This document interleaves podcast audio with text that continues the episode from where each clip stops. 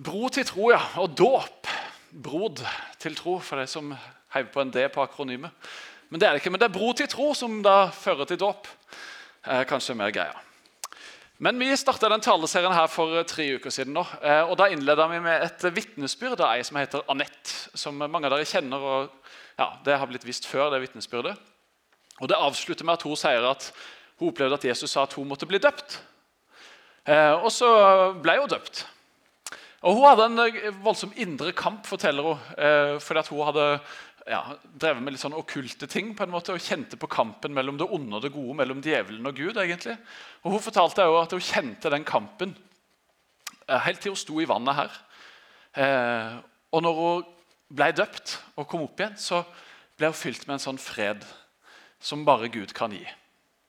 Og Det har jeg hørt om andre som har opplevd det samme når de har stått i, i dåpsbassenget her og kjent på en sånn uro en sånn kamp. og så har de kjent på den der eh, lettelsen og den friheten eh, som har skjedd i dåpsvannet. Forrige søndag så hørte vi Marit Øksendal tale. Og Jeg husker veldig godt dåpen til Marit, og det tror jeg en del andre gjør òg. For det skjedde på Liv og vekst, vårt sommerstevne i Stavern. Og Så fikk jeg lov å døpe Marit i sjøen på utsida av Stavern, på et svaberg. og det sto, Vi var sikkert 50-60 stykker fra Grimstad som sto på svaberga rundt der og hadde sunget eh, om Jesus. og Folk reiste seg opp rundt forbi på svaberga der og lurte på hva som foregikk. Men det var en utrolig sterk og fin opplevelse å få ta del i å være en del av når eh, Marit lot seg døpe der. For et par år siden, halvannet år siden kanskje, så det, hadde vi besøk av en sørafrikaner som heter Trevor Downham. Eh, som talte om å ta et nytt steg i troa si. Han hadde tre stoler her på plattforma. Eh, og snakka om å flytte seg til en ny stol. Eh, og Etter den talen så kom det fram en gutt som var på gudstjeneste her. Eh, og Så kjente han at jeg, jeg, må ta et nytt steg, og mitt steg det er å bli døpt. Jeg husker at jeg og han og en til vi satt under foran her og hulkegrein etter den gudstjenesten, for det var så sterkt og mektig, den opplevelsen av det valget han hadde tatt. Han hadde ja, tatt valget for flere år siden om å følge Jesus, men han hadde enda ikke blitt døpt. Og Han kjente så at åh, det er tida for det. Jeg er nødt til å gjøre det nå. Og Så fikk jeg lov å døpe han her òg, det var utrolig stort og fint. Og Dåp det er noe fantastisk flott. Og Dåp det er egentlig det største og egentlig kanskje eneste rene symbolet på en måte, eller handlingen vi har når et menneske velger å følge Jesus. Velger å si at 'Jesus, jeg vil tilhøre deg. Jeg vil leve livet mitt sammen med deg.' Så har vi noen ganger sånn, Er det noen her som vil ta imot Jesus, så kan du rekke en hand i været. Vi har ulike måter på en måte for å bli en etterfølger av Jesus. Men dåpen det er liksom det tydelige symbolet, den tydelige overgangen som vi har. Fra et nytt liv til et annet. Og For muslimer for eksempel, som blir kristne, så er det liksom ja, Det er en ting hvis de liksom sier at ja, de har blitt kristne. og det, ja, det er jo dumt nok for de som er muslimer og som mener at de har blitt vantro for å ha blitt kristne.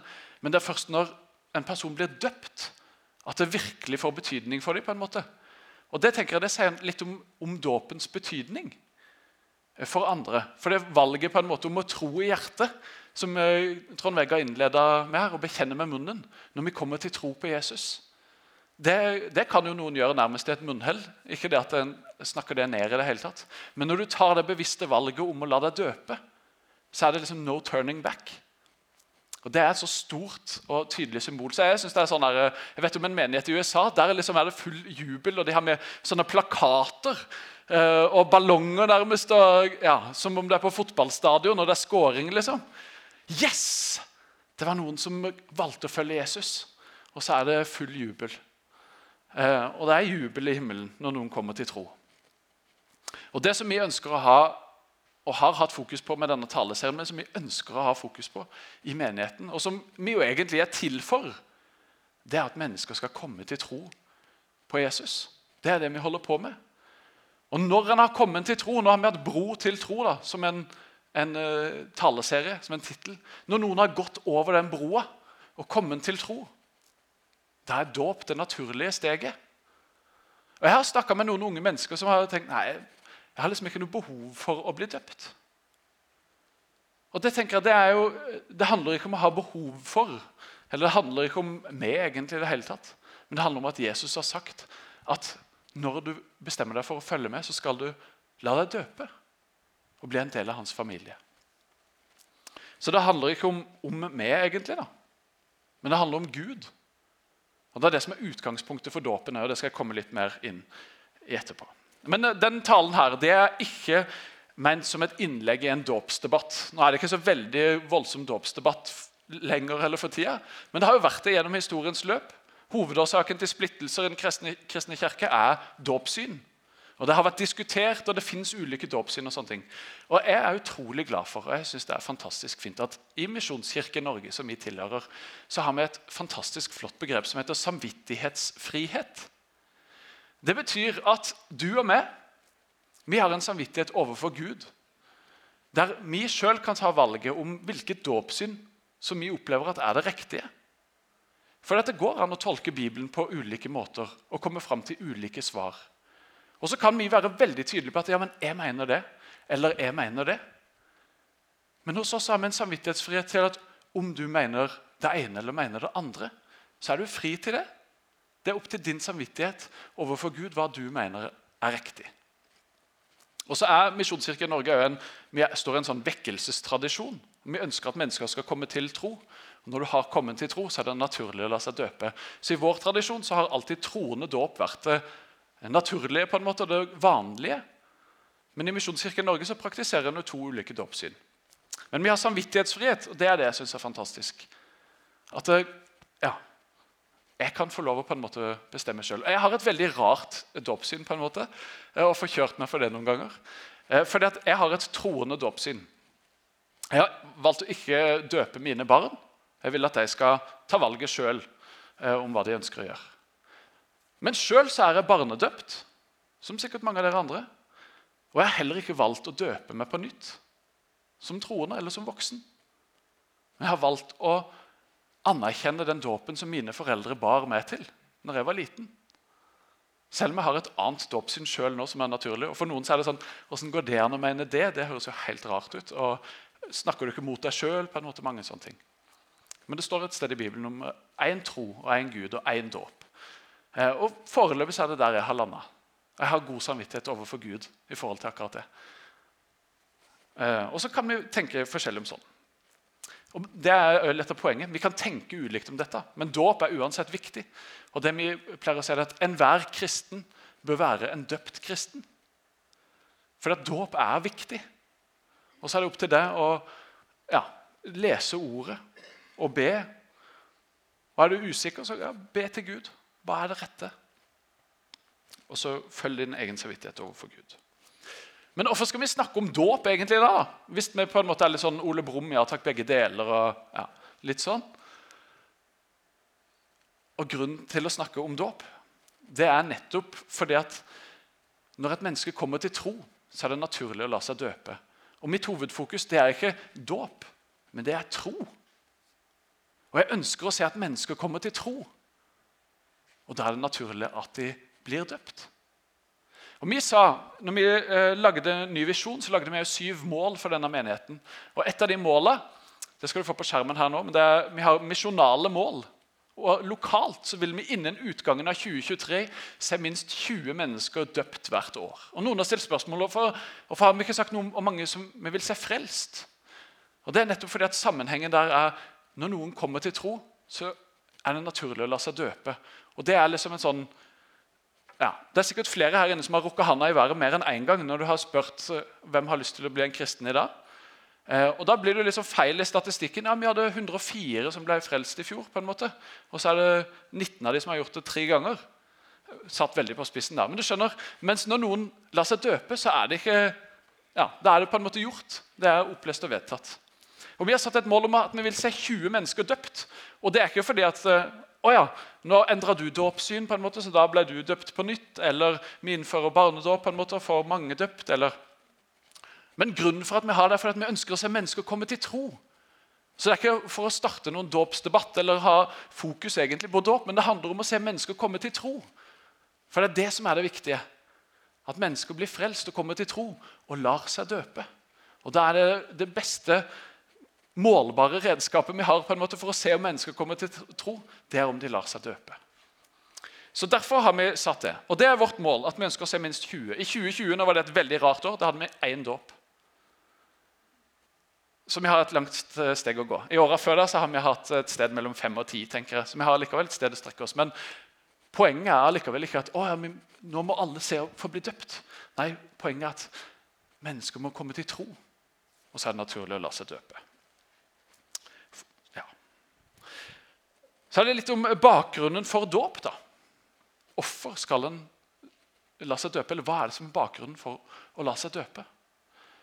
Og Det er det som Jesus har gjort for oss. Det er utgangspunktet vårt for dåp. På samme måte som det er utgangspunktet vårt for tro. Det er det Jesus har gjort for oss. Jesus han valgte å dø på et kors for din og min skyld. Han betalte den prisen som vi skulle betalt. Han tok vår synd, vår skyld, vår skam, all den driten som vi har rota oss opp i. Det som vi gjør med vilje, det som vi gjør uten å tenke over det. Det som er medfødt. Og så nagla han alt det som vi bærer med oss, som ikke er av han, og som ikke er bra. Og så nagla han det til korset. Og så Ikke nok med det, men han overvant jo døden. Og så sto han opp igjen til et nytt liv. Og så har han sagt, 'Vil du ha det nye livet?' Du kan ta det imot som en gave. Jeg gir det til deg. Jeg har gitt livet mitt for deg. Jeg har stått opp igjen og overvunnet døden, og du kan få lov å ta imot det. Og Det er vårt utgangspunkt for tro, og det er vårt utgangspunkt for dåp. Det er det som Jesus allerede har gjort ferdig for oss. Så kan vi få lov å gå inn i det. Dåp er vårt gjensvar til det som Jesus har gjort for oss. Når Jesus hang på korset, der, så var det som om han sa jeg elsker det. Jeg ønsker å leve livet mitt sammen med det. Jeg ønsker å være en del av hele din evighet. Og så er vårt gjensvar at ja, Jesus, jeg har lyst til å leve livet mitt sammen med deg òg. Og jeg lar meg døpe som et symbol og som en handling som viser at jeg ønsker å tilhøre deg, Jesus. Jeg ønsker å være din. Og Jeg liker å sammenligne det å bli døpt med en vielse. Når to mennesker finner ut at oi, vi er jo glad i hverandre, vi har lyst til å dele livet sammen, så er det mange i vår tid som velger å ja, bo sammen og flytte sammen og leve sammen for resten av livet. Det går jo an å gjøre det på den måten. Men så tror jeg at det riktige er å gifte seg. da, Å inngå en pakt. Og ha en fest og en handling der en sier ja til hverandre. For det er forpliktende, og fordi at det gjør noe med relasjonen. Og Sånn er det med Jesus. da. Han har sagt 'Jeg elsker deg. Jeg vil at vi skal leve sammen'. Og så kan vi gi vårt gjensvar. Og så er dåpen den naturlige handlingen som kommer etterpå. da. Når to mennesker gifter seg, så kommer de inn i ei kirke sånn som dette her. og Så står de for presten og så spør han, vil du ja. Og Så setter de ringer på hverandres finger. Og så inngår han en, en pakt. Og så har han en handling som symboliserer den kjærligheten som en har til hverandre, og det valget en har tatt om å leve sammen. Og Litt på samme måte er det med dåpen. Når du ser at 'ja, Jesus', jeg vil følge deg, jeg vil leve sammen med deg. Så inngår en den pakten. En har den handlingen, det ritualet, der en lar seg døpe. Og så tilhører en Jesus. Så blir en en del av hans familie. Så inngår en en pakt sammen, som Jesus har tatt hele utgangspunktet for, som han har gjort alt ferdig for. Så sier han at 'jeg har et liv i vente for det. Vil du ha det?' Og så får vi lov å si ja og ta imot og bli døpt. I uh, Matteus 28, vers 18-20, så står det noen veldig kjente vers. Jeg brukte de den første talen uh, av denne taleserien. Og Det er misjonsbefalingen, der Jesus sier at 'jeg har fått all makt i himmel og på jord'. Gå derfor, fordi at Jesus har fått all makt, så skal vi gå og gjøre alle folkeslag til disipler vi skal altså lede mennesker til tro, sånn som vi har snakka om nå. Gjennom å be for, gjennom å bygge relasjon til, gjennom å gi ord til mennesker som vi har i vår omkrets. Det er en måte vi har snakka om det nå. Det fins ulike måter, men vi skal gå ut og lede mennesker til tro, gjøre det til disipler. Og så står det 'døp de'. I Faderens, i Sønnens og i Den hellige ånds navn. Og lær de å holde alt det jeg har befalt dere. Så vi skal gå ut og være en bro til tro for mennesker. Og så skal de bli døpt. Og så skal vi lære dem det som Jesus har befalt dem. Det er en disippelgjøring, det er en utvikling. Det er en tro som lever, en tro som vokser videre. Og Det å komme til tro og det å dåp og det å gå videre er en del av det. Det oppdraget som vi har fått fra Jesus. Han har befalt oss å gå ut. Så dåp er en del av Jesu befaling til oss. Og Så har vi valgt en eh, bibelhistorie som vi kaller menighetens bibelhistorie, som vi finner i Apostlenes gjerninger 8 om Philip og den etiopiske hoffmannen. Den har vi vært gjennom mange ganger, og den kommer vi fortsatt til å snakke om, fordi det er vår bibelhistorie. Og Den viser så tydelig Philip som går ut og finner den etiopiske hoffmannen, som er litt usikker på de her tingene med tro. Og Så får Philip hjelpe han og lede han til tro og være en bro til tro for han. Og Så kommer de forbi et sted der det er vann. Og Så sier plutselig den etiopiske hoffmannen Se, her er vann. Dere får det på skjermen, forresten. Hva er til hinder for at jeg blir døpt? Her er vann, hva er til hinder for at jeg blir døpt? Og Så svarer Philip, hvis du tror av hele ditt hjerte, kan det skje. Og så svarer han, jeg tror at Jesus Kristus er Guds sønn. Og så døper Philip han. Og så kommer han opp igjen av vannet. Og så forsvinner Philip. Men dåp er en sånn naturlig greie. Og Hva er til hinder for at noen kan bli døpt? Nei, Det er å si ja til Jesus. Å si Jesus, jeg vil følge deg. Jeg tror at du er Guds sønn. Jeg ønsker å leve livet mitt sammen med deg. Og Det er egentlig noe veldig lite, og så er det samtidig kjempestort. Dette med dåp og dette med tro. Det er veldig enkelt. Det krever ingen voldsom kunnskap, eller noe som helst, men det, det krever et valg og en forståelse at ah, jeg ønsker å følge Jesus. Og Det kan skje sånn. På samme måte som å stå i vannet og si ja, jeg tror på Jesus og bli under. Det er noe lite og noe enkelt, ikke veldig avansert.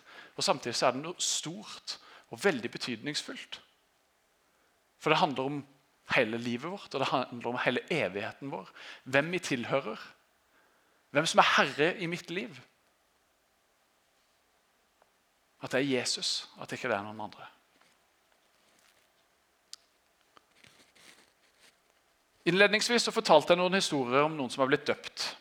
Og noe av det som de erfarte, noen av de. Og Så kan en stille spørsmål hva skjer egentlig i dåpen. Og Det er det litt ulike tanker om det òg, hva som akkurat skjer. Men jeg tror at eh, for det første så er det Gud som handler i dåpen. Det er Gud som gjør noe i dåpen. Vi gir jo et gjensvar og sier ja, jeg vil bli døpt. Men det er Gud som på forhånd har gjort alt ferdig for oss. Og det er han som også handler i dåpen. Og han handler litt ulikt med mennesker, virker det som. Og det tror jeg òg i dåpen. For jeg har hørt utrolig mange forskjellige erfaringer som mennesker har i dåpen. Jeg har hørt om mennesker som har blitt helbreda, som har blitt satt fri fra ulike plager, og som har opplevd store ting i dåpen. Når de kom opp av det vannet, så var de et helt nytt menneske. Det var skjedd noe helt nytt med dem. Og Noen kan fortelle sånn som jeg sa innledningsvis, at de hadde en uro og en ufred. Og så ble de fylt av en fred i det øyeblikket. Jeg vet mennesker som har sagt det er det største øyeblikket i livet mitt. Det var når jeg ble døpt.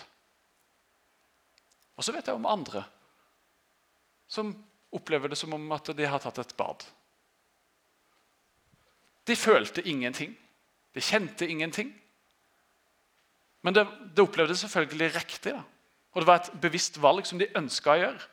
Men der og da i dåpen så skjedde det ingenting spesielt. For det er ikke noe mirakuløst med det vannet. Det er vanlig vann, rorevann, som vi bruker her. Og Det går an å gjøre det forskjellige steder. Og Hvorfor det er litt sånn ulikt, det vet jeg ikke. Men sånn er det jo med mange ting, egentlig. Men det er Gud som velger å handle. For noen så skjer det masse i dåpen, og for andre så skjer det masse andre steder. Og Sånn kan det være ulikt. Men det kan skje mye i en dåp. Det kan det virkelig. Og det vet jeg om, og det vet dere òg om. Men det ser ut og det oppleves forskjellig. Og Det som jeg synes litt, uh, som kan være litt farlig, på en måte, da, det er hvis den vektlegger veldig at det skal skje masse i dåpen. Så blir folk på en måte skuffa hvis de bare liksom, ja, de gikk under vann, og så kom de opp igjen. Og så oppleves det ikke så veldig annerledes. Ja, men Jeg var jo sikker på at jeg skulle kjenne det sånn, eller oppleve det sånn, eller føle ditt, eller erfare sånn. Og Det er ikke erfaringen eller opplevelsen som er det viktige her. Det er fantastisk når det skjer store ting der. Men det viktige det er valget en tar, og den handlingen som en gjør i lydighet overfor Jesus.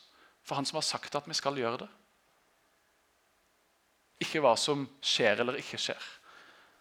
Så dåp det er et, eh, en fantastisk opplevelse og en sterk opplevelse og noe stort. Uansett om det tilsynelatende skjer noe eller ikke. Så er det viktig. Og så er det mye symbol i den handlingen. Fordi at eh, det er mange som eh, sier Vi pleier ikke å gjøre det her, da, men det er mange når de døper. Så Idet du blir tatt under vannet, så sier de 'begravd med Kristus'. Og Så tar de opp igjen, så sier de 'oppreist med Kristus'. Og Det er noe fint. Og det er et poeng at eh, Dåpsbassenget ser ut som en grav. Det er på en måte en dåpsgrav. Og det er et poeng at når en person blir døpt, så skal den komme helt under vannflata, sånn at vannet lukker seg over personen. Og Det er nettopp fordi at det, er et symbol på at det gamle livet, det syndefulle livet, det begraves med Kristus. Det legges igjen der. Det er lagt bak. Og Det kan jo bety masse for noen som kjenner at oh, jeg trenger virkelig å legge av med det gamle livet mitt. Jeg har så mye skitt og dritt i livet mitt. Og Det var så utrolig godt å få lov å begrave det gamle livet. Det syndefulle livet. Det som jeg ikke lenger ønsker at skal henge fast i meg eller være en del av. Og så er det jo veldig viktig å ikke bli værende under deg, da, for fysisk så drukner du jo hvis du blir for lenge. Men hele poenget er jo at du skal reises opp til et nytt liv. På samme måte som Jesus overvant døden og sto opp til et nytt liv, så har han sagt, 'Kom og følg med, jeg har et nytt liv for deg.' Et annerledes liv. Et liv i min nærhet. Et liv sammen med meg. Og vi får lov å bli oppreist til det nye livet når vi kommer opp av vannet. Oppreist med Kristus fordi han sto opp, fordi han har gjort og gått veien foran oss. Så får vi lov å ta del i det og bli oppreist med han. Så Det er tydelig symbolet. Det er det noen erfarer veldig tydelig. Da. At det gamle livet mitt det ble begravd der i det vannet. Og så fikk jeg stå opp til et nytt liv. Og så starter det et nytt liv, en ny vandring med Jesus. Derfra og ut. Når en tar det valget om å følge ham og være med ham. Og så er det en ting som er litt interessant, synes jeg. fordi jeg sa det i sted, at det er, det er Gud som handler i dåpen, og det er han som har gjort utgangspunktet for alt. Og vi eh, lar oss døpe til hans navn. Og så er det et annet menneske. Jeg har fått gleden av å døpe mange. og det er kjempefint. Men så er det veldig mange som og det, eh, altså En tenker nødvendigvis ikke over hva en sier. Men veldig ofte så sier han ja, jeg skal døpe meg til søndag. Eller jeg døpte meg der og der eller da og da. Men det er jo ingen som døper seg. De lar seg døpe, eller de blir døpt. Og Det er jo en sånn symbolsk handling for at det er ikke min egen prestasjon. Det er ikke noe jeg skal få til. Ja, Nå går jeg ut i vannet, så dypper jeg meg under og så opp igjen. på en måte. Men jeg legger meg over i noen andres armer, og som tar meg inn i fellesskapet. Og så er det et symbol på Guds nåde, og på at det er Han som har gjort det. Og på at vi kan få lov å legge oss hos Han. At ikke det handler om min prestasjon eller hva jeg får til, eller hvor stor tro jeg har. eller noe som helst. Men at Han har gjort det ferdig for oss, at vi kan få lov å hvile i det og tre inn i det. Så vi blir døpt eller lar oss døpe. Vi døper oss ikke. Det er bare en sånn bitte liten greie. da. Skal få lov å si at eh, jeg døpte meg, og sånn, altså, for det kommer folk til å gjøre uansett. Men det er likevel en, eh, en ørliten meningsforskjell. da. Og så I tillegg så blir en døpt til fellesskapet. Og jeg tror at det at jeg, jeg døpte meg, og sånn, det har litt sammenheng med kulturen som jeg er i. For den er så utrolig egosentrert da det handler om meg. Jeg har min iPhone, ikke sant? og alt handler egentlig om meg, da, for det er meg som er i sentrum. Men så er det jo helt annerledes i den kristne tro. For det er Gud som er i sentrum. Det er ikke meg. Og det at når jeg lar meg døpe til hans navn, eller jeg blir døpt, så er det ikke lenger vi som er i sentrum og vi som er i fokus. Så Derfor tenker jeg det har en sammenheng. Men det er jo det at vi blir døpt til et fellesskap. I vår, vår tid er vi utrolig opphengt i vår personlige tro mellom meg og Jesus. Og det er viktig, og det er fint. Men vi er jo et fellesskap. Jeg syns det er fantastisk å komme og ha fellesskap med dere innenfor Gud, sammen med dere, og ikke være her alene med et kamera, selv om vi vet at noen er på andre sida. Men det med fellesskapet. Og Vi blir jo døpt til et fellesskap. Vi blir en del av Jesu familie i denne verden. Ikke bare i Grimstad misjonskirke, men hele den verdensvide kirke. Hele Guds menighet. Vi blir en del av en familie. Vi blir brødre og søstre. Vi blir døpt til fellesskapet. Jeg, det er en del som, eh, jeg har noen som har blitt døpt her. Det, vi har bare vært noen bitte få til stede her. Men jeg prøver alltid å utfordre den som skal bli døpt. på å si, Vil du ikke gjøre det i en gudstjeneste? For det betyr så mye for fellesskapet. Det er noe som vi andre får lov å ta del i. Fordi vi er et fellesskap av brødre og søstre som kan glede oss over at nå er det kommet et nytt familiemedlem som blir en del av oss. At Det å være en kristen og det å følge etter Jesus det handler ikke bare om meg og han og vår relasjon. Det gjør det men det handler om vår relasjon i fellesskap. Det er derfor vi har menigheter. Det er derfor vi samles flere kristne sammen. Fordi at fellesskapet er så viktig. Det er ingen som er solokristne. Det er i hvert fall fryktelig vanskelig å skulle være kristen helt på egen hånd. Vi trenger andre mennesker. Noen å lene oss på, noen å støtte oss til. Og Derfor er det å la seg døpe òg å si at jeg vil være en del av dette fellesskapet. Jeg vil ikke gå på egen hånd bare. Men jeg har lyst til å være en del av familien. Og så betyr det noe for oss andre som får lov å ta del i det. Jeg syns det er fantastisk, uansett hvem det er, om jeg kjenner det eller ikke.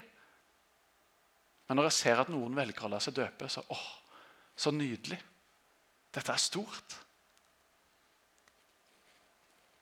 Og så er det som jeg sa i stad, og som vi leste i misjonsbefaling, det er en lydighetshandling. Jesus har sagt at vi skal døpe og bli døpt. Og han, Når vi sier at ja, Jesus har lyst til å leve livet mitt sammen med deg, så gjør vi han til herre i vårt liv. Altså den som bestemmer. Og Når en som har autoritet, sier at hvordan noe skal være, befaler noe Hvis det er en i militæret, så gjør soldatene sånn som lederen deres har sagt. Jeg har aldri vært i militæret, så jeg kan ikke de der rangordningene. og sånn. Men sånn er det i forhold til Gud òg. Når vi velger å bli en kristen og kommer til tro på han, så ser vi at ja, Jesus, jeg vil gjøre deg til herre i mitt liv. Jeg vil at det er du som skal ha autoriteten. At det er du som sier hva som er rett og galt, og hvilken vei jeg skal gå. Og så er vi så heldige, for han er ikke en sånn stygg diktator som er ute etter egen makt eller egen vinning, men han er en kjærlig far som bare vil oss det beste. Så Når han gir oss en befaling, så kan vi med stor trygghet og stor frimodighet gå inn i det. Fordi at han elsker oss. Hvis vi blir usikre på den kjærligheten, noen gang, så kan vi bare kikke på korset. Og så er beviset der. Ja, Jesus, du gikk i døden for meg. Det var din kjærlighetshandling til meg. Det vil jeg klamre meg til, det vil jeg holde fast i, og det vil jeg følge. Så Jesus han er vår autoritet, vår Herre, som jeg har sagt ja til å følge. Når vi kommer til å tro på ham. Jeg vet ikke om dette har blitt noe som helst denne talen. Men det går i hvert fall inn mot landing. Og så har det blitt det det har blitt. Det vi ønsker å si er at det er en, Enhver kristen bør være en døpt kristen. Så Hvis du ikke er døpt enda, men du har kommet til tro, så ta kontakt med oss. Si at 'jeg ønsker å la meg døpe'. Jeg vil følge Jesu befaling om det. Jeg ønsker å ja, si til verden på en måte at jeg vil følge Jesus. Jeg ønsker å bli døpt i dette fellesskapet. Så ta kontakt, så sørger vi for dåp. Det er jo òg lov, selv i koronatid, faktisk. Og så er som sagt hovedpoenget vårt med å ha dette målet med 20 døpte i året. Det er ikke nødvendigvis for å få sånn kjempehøy dåpsstatistikk fordi at det ser bra ut. eller noe som helst. Nei, Det handler om å se mennesker komme til tro. Som bevisst tar det valget om at yes, Jesus, Jeg tror at du døde på det korset for meg. Jeg tror at du sto opp igjen for min skyld. Jeg ønsker å gjøre deg til herre og frelser i mitt liv. Jeg ønsker å følge deg med mitt liv. Og derfor lar jeg meg døpe. Så utgangspunktet vårt for å ha det målet om antall døpte, det er at vi ønsker å se mennesker komme til tro. At vi kan være en bro til tro for dem. Og du og meg, vi har mennesker i vår nærhet som vi kan be for. Så jeg håper du har satt opp en bønneliste over mennesker som du jobber sammen med, eller har i nabolaget ditt eller i familien din, eller hva det skulle være. Som du ber jevnlig for om at skal få se hvem Jesus er. At han virkelig lever og er sann og ekte. Og at du har relasjoner, eller bygger relasjoner med mennesker rundt deg, der du kan få lov å være en bro til tro. Naturlige, gode relasjoner. Der en bygger vennskap, der en finner på gøye ting sammen. Og Der det kan bli naturlig å bringe inn ord om tro, ord om Jesus. Våge å sette ord på troa vår, våge å spørre om å be for noen. Våge å si at 'jeg er en kristen'. Våge å invitere med i kirka. Våge å invitere med noen inn i fellesskapet som vi tilhører, som vi er en del av. Med Han som elsker oss, og som elsker oss så høyt at han ga sitt liv for oss. Og så ut ifra det at vi ser at mennesker kommer og blir døpt fordi at de har kommet til tro.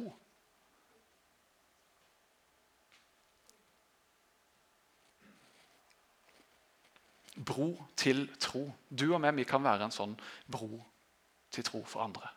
Og Det håper jeg virkelig at vi vil ta på alvor, alle sammen. Av de som allerede har kommet til tro. Hvis du ikke har kommet til tro ennå, så håper jeg at du fortsetter å gå på den broa.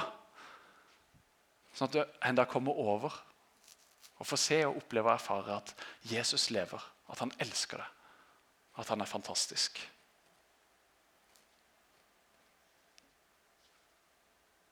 Og så at du da vil la deg døpe.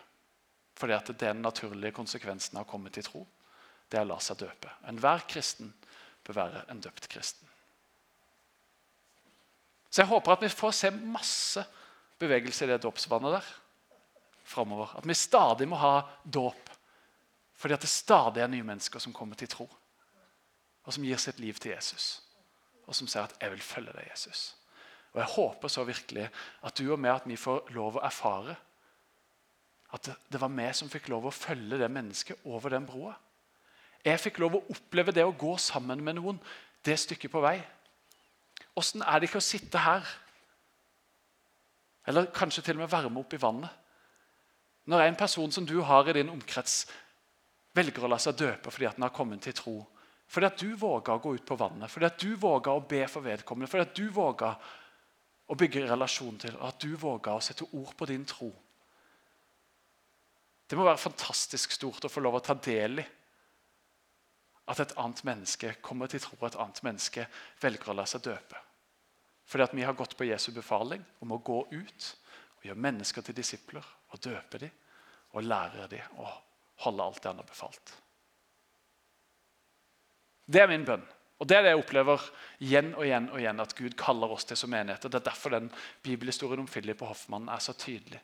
Fordi at Den kaller oss til å gå ut, til å bety en forskjell for menneskene vi har rundt oss. Og til å våge å bringe Jesus inn i relasjonene vi har. Så nye mennesker kan få se hvor fantastisk han er. Nå vil jeg be til slutt. Jesus, jeg takker deg for at du har gjort alt klart for oss. Takk for at veien er åpen hjem til Gud fordi at du kom til oss. Takk for at du var villig til å gå i døden for vår skyld. Men takk for at døden ikke kunne holde deg fast, men at du overvant den og sto opp igjen. At du lever. At du har gitt oss liv, og liv i overflod. Takk for at vi kan få lov å ta det imot som en gave. Takk for at nåden din er ny hver eneste dag. Så at vi kan få lov å igjen og igjen ta imot og ta imot og ta imot. Og Jeg ber virkelig om at nye mennesker skal få lov å erfare det. At du lever, at du døde og sto opp igjen. At ikke det er en myte eller et gammelt eventyr, men at det er sannhet. Og at du lever fremdeles, at du er virkelig og reell òg for deg som det måtte gjelde Jesus. Jeg takker deg, Herre. Ta imot vår takk og vår lovprisning. Amen.